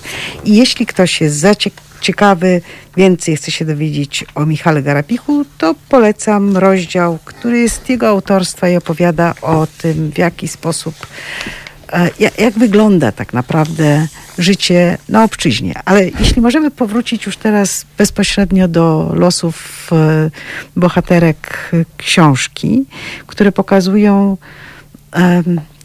jak wygląda polska rodzina, jak wygląda polskie dziedzictwo i jak dalekie jest od tych wyobrażeń, które serwują nam politycy, to ja zapytam tak naiwnie, czy one go kochały? Te po kolei, coraz młodsze, zmieniane na coraz młodszy model? Yy, Znaczy, nie wiem, no trudno mi teraz powiedzieć, strasznie trudno mi odpowiedzieć na pytanie. Yy, Z rozmów yy, z najmłodszą córką, najmłodszym dzieckiem Kazimierza, z ciocią Ireną, ona twierdziła, że jej mama tak, oczywiście, kochała go bardzo, ale jednocześnie opowiadała mi, że no, no, to mama była tak naprawdę yy, mając 15 lat przy Sianokosach była wybrana, wskazana przez Kazimierza i przyszła do dworu i potem na drugi dzień przyszedł yy, Kazimierz do jej matki z gotówką. Zapowiedział, że jej będzie dobrze w dworze i tyle. Więc no nie wiem, no może później miłość się pojawiła. To jest okropnie trudne pytanie, bo ja y, oczywiście, że na pewno y, pewnie jakaś, można to nazwać poliamorią, to, to wszystko, to co Preżedek y, robił. Można to nazwać po prostu zwykłą eksploatacją seksualną i pełną przemocy, bo, bo y, w tym wachlarzu działań y, seksualnych, no to pewnie takie rzeczy też miały miejsce. Ale Oczywiście ja się pytam o to między innymi też dlatego, że wydaje się, że dzieci, które mu ratują życie przynajmniej raz, bardzo wyraźnie, m, mają do Tak. niego stosunek ciepły, co by wskazywało na to, że to był... że był dobry. No, był dobry to znaczy, On się pan. wywiązywał, wywiązywał się z, ze swoich e, obowiązków e, alimentacyjnych, można to powiedzieć, prawda? Te trzy morgi i tam krowa zawsze były. Możliwe, że to, że tak się wywiązywał honorowo, też działało jako pewien magnes i, i dodawało mu seksapilu. E, możliwe, że mm, nie wiem, no, no e, możliwe, że są, są, są takie przekazy z zewnętrznych obserwatorów, którzy mówią, że on po prostu ten, ten majątek cały tam potracił, że on w ogóle już całą, prawie tą całą ziemię tam rozdał na te wszystkie swoje dzieci, więc y, można powiedzieć, że zachowywał się fair oczywiście i, i, i że te kobiety otrzymywały y, jakiś konkret. Y, natomiast no, no, z dzisiejszego punktu widzenia też można się zastanawiać, na ile te, te dzieci otrzymywały konkret, bo one cały czas no, no, miały te drzwi do, do tego świata legalnych garapichów były zamknięte dla nich, więc to i, i, i, znaczy wtedy to w ogóle nie było mowy, żeby, żeby, żeby, y, taki, żeby ten świat był otwarty, ale y, wydaje mi się, że nie wiem, no, no y, dużo rzeczy nie wiemy, dużo rzeczy też, y, wydaje mi się, że, że, że to było też, y, ponieważ y, w tych pamiętnikach jego brata, y, Pawła, całkiem sporo jest y, y, opowieści dotyczących inicjacji seksualnych. I to, to jest też taki element, y, który się pojawia w wielu pamiętnikach, prawda, z, z epoki.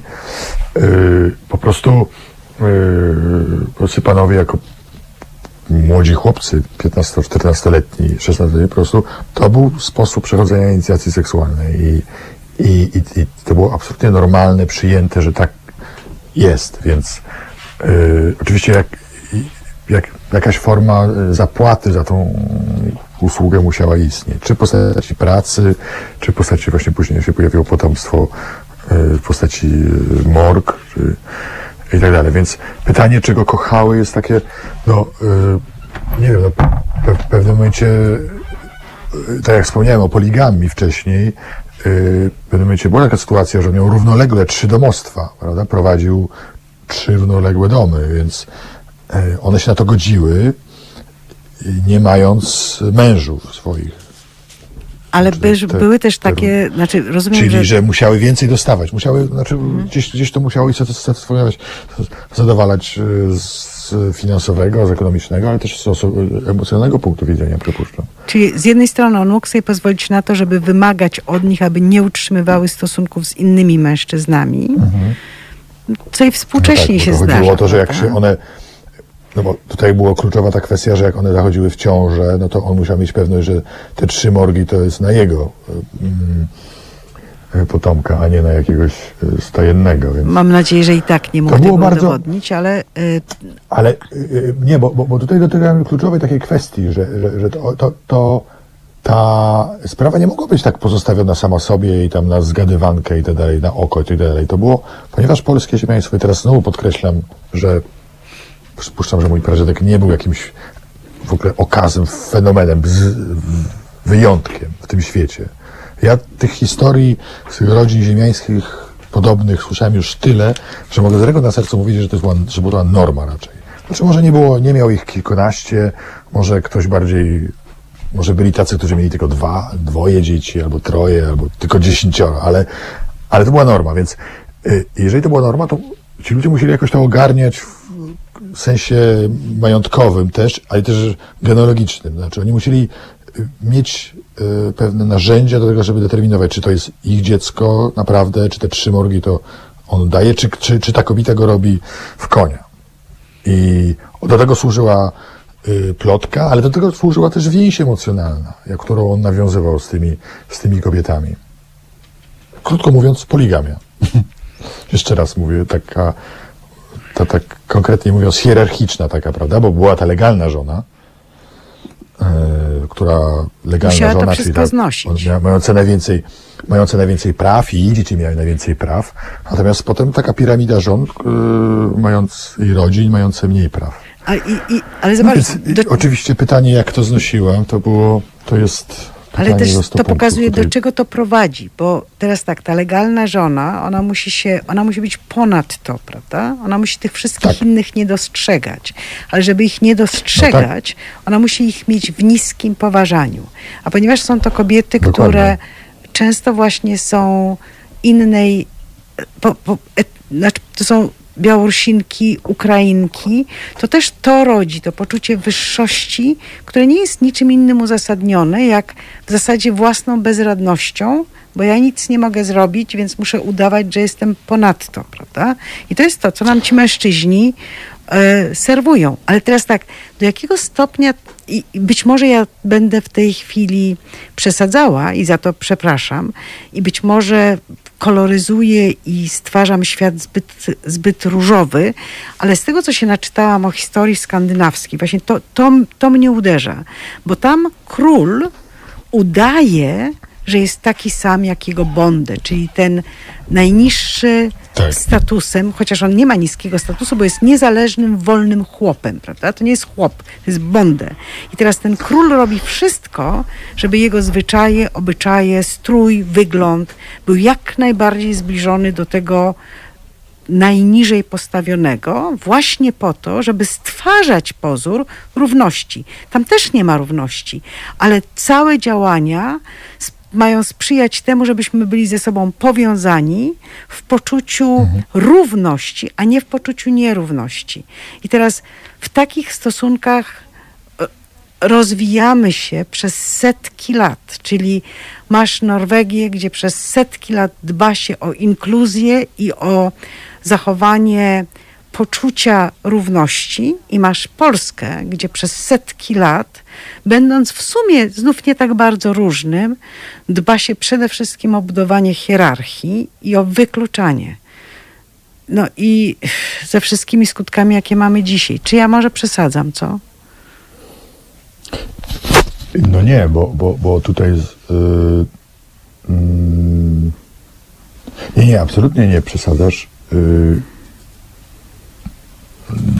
tylko chodzi o to, że yy, znaczy bardzo mi miło, że tak yy, moja książka została ustawiona w rzędzie właśnie Ledera czy Sowy i No tak tak dalej. jest. Tylko moja książka mówi, mówi że, że y, wydaje mi się, że jeżeli książ- jeżeli książka mo- moja o, czymś mówi, to że, że te źródła nierówności y, mają, źród, mają źródła w relacjach rodzinnych, w stosunkach y, takich bardzo intymnych, y, które oczywiście potem są y, odtwarzane, przetwarzane w, na większą skalę, ale y, historia dzieci mojego pradziadka pokazuje, że one że, że, że to były po prostu naznaczone w takim emocjonalnym, znaczy na, y, bardzo silną nierównością, y, co skutkowało, musiało skutkować ogromnymi emocjonalnymi kosztami.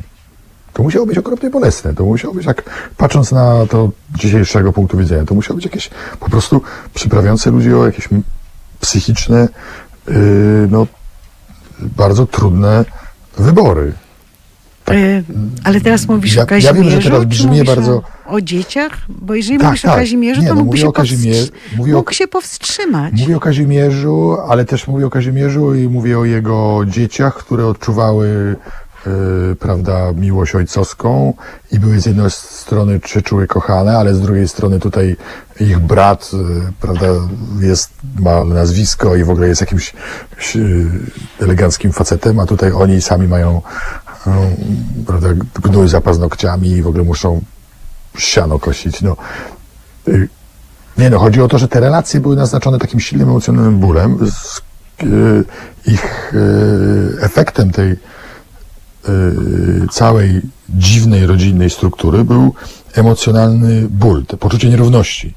I ono, wydaje mi się, że y, mm, no ma bardzo silną, silny potencjał do odtwarzania się w następnym pokoleniu, kolejnym pokoleniu. Ja zresztą opisuję to, prawda, jak y, PRL-u y, czy później się pokolenia opowiadały o tym, y, o podbojach Kazimierza, prawda? Jak to z kolei już bardziej się skupiono na tym ele- elemencie męskości i o tym, że dla mężczyzn y, Kazimierz w takich dykteryjkach czy w gadkach przy wódeczce i opowieściach był jakimś takim po prostu wzorem, modelem męskości. Był prawdziwym facetem, no wiadomo, no, był po prostu pan pełną gębą, no bo wiadomo, płodził i na prawo i lewo, a jednocześnie miał gospodarstwo i w ogóle był. I, i to y, miało też ko- konkretne konsekwencje, no bo to y, oznacza y, tworzenie pewnego modelu, jak należy postępować, y, co należy robić, żeby być prawdziwym mężczyzną, co należy robić, żeby rezonować pewną władzą. Y, I co oczywiście rodzi kolejne, kolejne y, rozdania nierówności. Mi się wydaje, że mm, jeśli chodzi o. Znaczy, bo ekstrapolując to na szerszy, y, y, na szersze tło, jak ty to robisz, jeśli chodzi o Polskę, to no, no, bardzo często zapominamy po prostu, jak bardzo silnie y, traumy rodzinne czy emocje rodzinne się odtwarzają w następnym pokoleniu i jak one bardzo często na nas y, Oddziaływują. ciążą. No, Oczywiście. A jednocześnie też zapominamy o tym, że, że my sami uczymy się o tym, bo przecież y, sami cały czas y, polskie społeczeństwo jest utopione w historii, prawda? Jeśli chodzi o, o dyskurs, o politykę, o rocznice, o Nie. nazwy ulic. Nie, o... nie, nie, nie, No, my nie jesteśmy... Znaczy jesteśmy utopieni w tej Nie, historii. my nie jesteśmy W sensie, utopieni to dobre słowo, bo, ale na pewno nie jesteśmy, za, to, to jest retrotopia, czyli o, tak, my jesteśmy zanurzeni w strony też- świecie, który nie istniał. No, tak, tylko na, na nowo opowiadamy go sobie y, w różny sposób i też te kontrdyskursy, które opowiadają chociażby na przykład w postaci Ledera czy Jaśka Sowy i tak dalej, to one uzupełniają, ale to cały czas jest opowieść o historii. My cały czas lubimy opowiadać o historii. Po prostu, no tak jest, no, ale to, to, to, to akurat... I teraz problem jest taki, że jak mówimy o tej wielkiej historii, to jest okej, a jak mówimy o tej małej, drobnej historii, rodzinnej, intymnej, to nagle czujemy jakiś zgrzyt i rozumiesz o co mi chodzi. Ja- Chodzi o to, że, że, że, że nasza historia, którą my opowiadamy, jest dlatego taka może taka yy, ta wielka, taka dziwna, taka, pomac, po, taka poszatkowana i podziurawiona, ale też pełna mitów, że ona ostatecznie yy, tkwi w naszych rodzinnych relacjach. O, Ale tak wiesz, my o tym wszystkim tutaj między innymi rozmawiamy po to, z takim przesłaniem, em, choć mam nadzieję, że nie ma w tym smrodu takiego edukacyjnego, ale z takim przesłaniem, żeby było nam dobrze, żebyśmy sobie żyli lepiej i żeby to coś tą rodziną jest, mogło funkcjonować na zasadzie takiej, żeby ludzie, którzy są w środku, mogli się realizować i żyć ze sobą blisko. I w opowieściach, kiedy o tym opowiadamy, to my tak właśnie opowiadamy, ale w praktyce to jest tak. W ostatniej gazecie wyborczej jest wywiad Tomasza Kwaśniewskiego z Margot. I to jest wywiad wstrząsający, między innymi przez to, że niestety ona mówi o swojej rodzinie, ale, ale pewnie mówi często o rodzinach, które są dookoła nas. I ona mówi w pewnym momencie o odcinaniu się od y, tej, od tego, co jest rodziną, mówi tak, po prostu w pewnym momencie się orientujesz, że spędzasz z kimś najpierw 10, potem 20 lat życia i nie znacie się zupełnie. Że cała ta misja wychowawcza bycia matką, babcią, ojcem, ona jest głęboko nieautentyczna. I, i nawet on mówi tak, że to, to nie jest tak, że ona, że, że czegoś wymaga. To Kwaśniewski się pyta, to czego ci tam brakowało? Ja nie mam takiego stosunku do ludzi, że oczekuję od nich czegoś, bo jeżeli oni tego nie mają, to nie ma co oczekiwać, tylko odpuścić odpuścić i pójść dalej. Ale sobie myślę, że jednak, że również dla Margot bliscy ludzie mają znaczenie. I to, że ta bliskość nam często w rodzinach nie wychodzi, to w pewnym stopniu jest wynik tego, że do, nie dajemy rady tego ułożyć, ale mnie się wydaje, że w bardzo dużym stopniu to jest ta tradycja, o której ty piszesz i którą pokazujesz, jak można zmienić i jak można od niej odstąpić. I to nie jest tak, że Kazimierz sobie coś wymyślił, bo pozwoliłam sobie przypomnieć kodeks Napoleona z 2004 roku.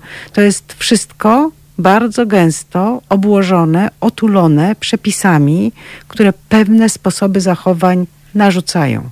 Czyli to nie jest tylko tak, że to są ci ludzie. To jest tak, że to jest to państwo i władza i bardzo, bardzo celowo nastawione kreowanie pewnych wzorów po to, żeby można było z kolei kreować pewne wzory władzy.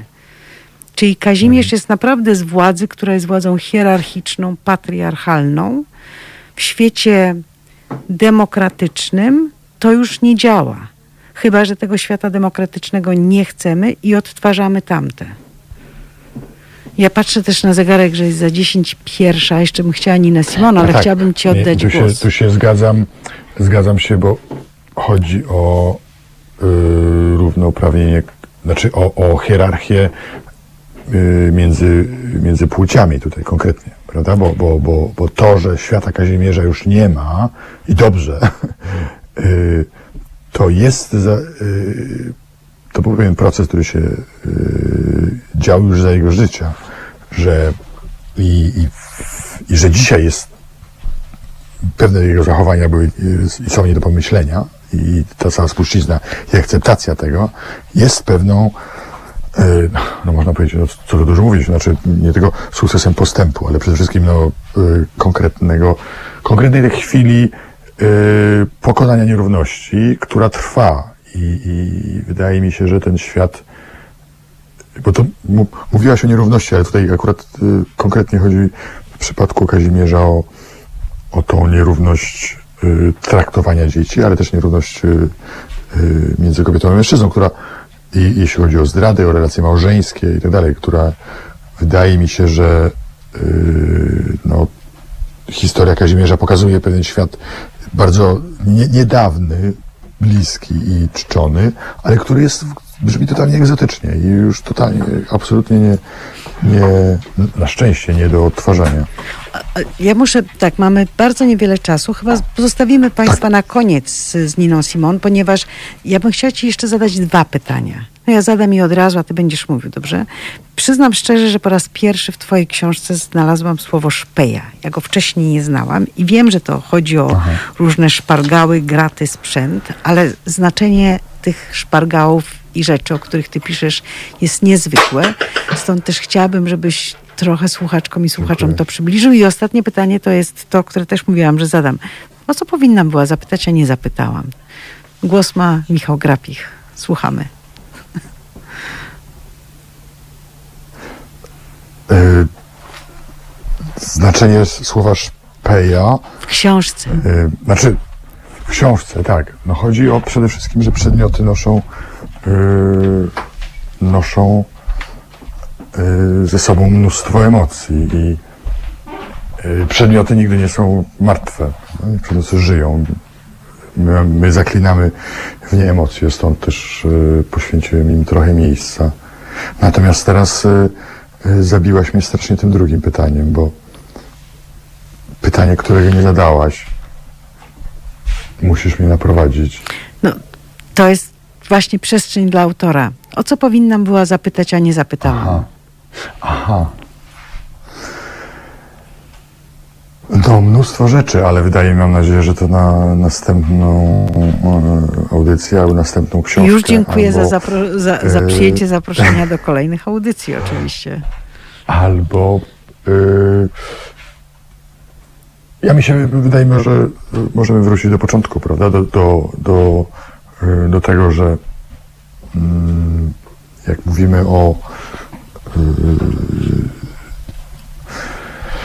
y, Wydaje mi się, że nie. Y, Wydaje mi się, że, że, że książki y, mają to do siebie, że generują nowe pytania, więc y, ja na przykład y, y, ja sobie wyobrażam bycie czytelnikiem swojej książki, to bym od razu y, zadał pytanie y, i co dalej? O, i, To co dalej? co się dzieje dalej z tymi ludźmi? Co się dalej z tymi ludźmi dzieje? y, jak oni o tym myślą? Ile rzeczy ty nie powiedziałeś? Ile ja rzeczy nie powiedziałem? Ile rzeczy ja przemilczałem? Ale to jest znowu To znaczy, następną o to bym nie zapytała z tego względu, że jeżeli autor przemilczał, to jest sprawa autora, żeby przemilczeć. Ale ja nie zapytałam o Tak. wuja Olka, o te wspaniałe stosunki, które żeś e, opisał, ale też i nawiązał na Ukrainie. To może na koniec, Mhm. co u nich dzisiaj? Ja, ja, jaki jest E, w no tym ja- sensie ciąg dalszy? Czy utrzymujesz z nimi kontakty? Chciałem... Tak, tak. I jak oczywiście rodzina przyjęła twoją książkę? No, ja... Y, znaczy cała rodzina, czy, czy wujek Olek? No niech będzie wujek Olek, bo on pewnie się ucieszył. On się bardzo ucieszył. Nie wiem, czy ją przeczytał, bo ona jest po polsku. On po polsku nie czyta. Może ktoś mu tam przetłumaczył fragmenty, ale, ale ja streściłem, staram się opowiedzieć na ile y, mogę. No mam nadzieję, że wujek, ja, ja kilkakrotnie chciałem go odwiedzić w ostatnich latach, no ale to w ostatnim roku, przepraszam, ale, ale przez tą sytuację z pandemią oczywiście nie dało. Byłem rok temu Yy, no był odpukać zdrowy, miał 80, ma 25 wnuków, yy, prawnuków, przepraszam, więc tam jest po prostu jakieś yy, bardzo yy, silne jego geny. No bo co mogę powiedzieć? No mam nadzieję, że, że, że jak już tam yy, jakoś, yy, będzie łatwiej podróżować, to że tam yy, pojadę, bo no bo coś tam jest takiego, że mnie cały czas ciągnie. To jest też trudne do wytłumaczenia. Czyli to są więzy rodzinne, które się nawiązały naprawdę szczerze i ze względu na relacje międzyludzkie można je podtrzymywać. Tak, tak? I, oni, i oni są bardzo zadowoleni, oni się cieszą z tego. Cała ta sprawa nieślubności, ślubności nie ma takiego tam znaczenia. To jest takie anegdotycznie też traktowane, ale oczywiście pod warunkiem, że, że, że, że ja akceptuję fakt bycia gościem, prawda? I że nie przyjeżdżasz odbierać im Książ- ziemi i nie przyjeżdżasz A nie po przyjeżdżam swoje. przypadkiem jakąś pretensją czy coś. Tak. Nie, akceptuję to, że jestem gościem, i, a oni są gospodarzami, bo, no bo tak naprawdę no to tak jest. Niestety jest obcym. za trzy minuty pierwsza, będziemy musieli kończyć. Ja muszę z, z przykrością, ale podziękować na dzień dzisiejszy i trzymam za słowo, że możemy do tego jeszcze powrócić. Ja doktorowi Michałowi Garapichowi, ale przyszła mi pewna myśl do głowy, ponieważ e, rzeczywiście książka jest póki co tylko po polsku, a ta książka jest napisana z niesamowitą wrażliwością, sympatią, kulturą i zrozumieniem relacji, stosunków również polsko-ukraińskich, polsko-białoruskich, polsko-ruskich. W związku z tym, że w Polsce jest cała masa, nie tylko wspaniałych studentów, ale ludzi, którzy są z Ukrainy, mówią równie dobrze po ukraińsku i po polsku, i po białorusku, i po polsku, z Białorusi również. Jeśli Państwo sięgniecie po tą książkę, to myślę sobie, że ona dobrze zrobi czytelniczkom i czytelnikom i na Ukrainie, i na Białorusi zapoznanie się z nią i może też stanowić wspaniały taki pomost pomiędzy nami wszystkimi, bo pokazuje, że znacznie nam do nas siebie bliżej niż byśmy się spodziewali. I, i, I to też jest wielka zaleta książki, za którą bardzo serdecznie dziękujemy autorowi Michałowi Garapichowi. Ja dziękuję panu Krzysztofowi za to, że panował nad całością. Ja dziękuję również. E, dziękuję wszystkim słuchaczkom i słuchaczom i ludziom na czatach. Przepraszam, starałam się czytać, ale jak Państwo wiecie, ja w tym jestem kiepska. Tutaj potrzebny jest jednakże e, pan Ryziński, który dużo lepiej sobie z tym radzi i tęsknimy za nim, ale niestety pandemia to wyklucza. Serdecznie też pozwolę sobie poz- pozdrowić, bo nie zrobiłam tego dzisiaj Tatiany. Starałam się nie robić błędów językowych. To jest osoba, która kontroluje, jak się wypowiadam po polsku. Dziękuję Państwu. Powiem ostatnią rzecz. Mianowicie w poprzedniej audycji zabrakło wypowiedzi Basema Kiki. E, naprawimy to, ponieważ warto go posłuchać. A ja się z Państwem już dzisiaj żegnam i do usłyszenia za tydzień. Dziękuję raz jeszcze. Pozdrawiamy Michała Dziękuję. Garapicha. Pozdrawiam Państwa wszystkich. Dziękuję Dobranoc. bardzo.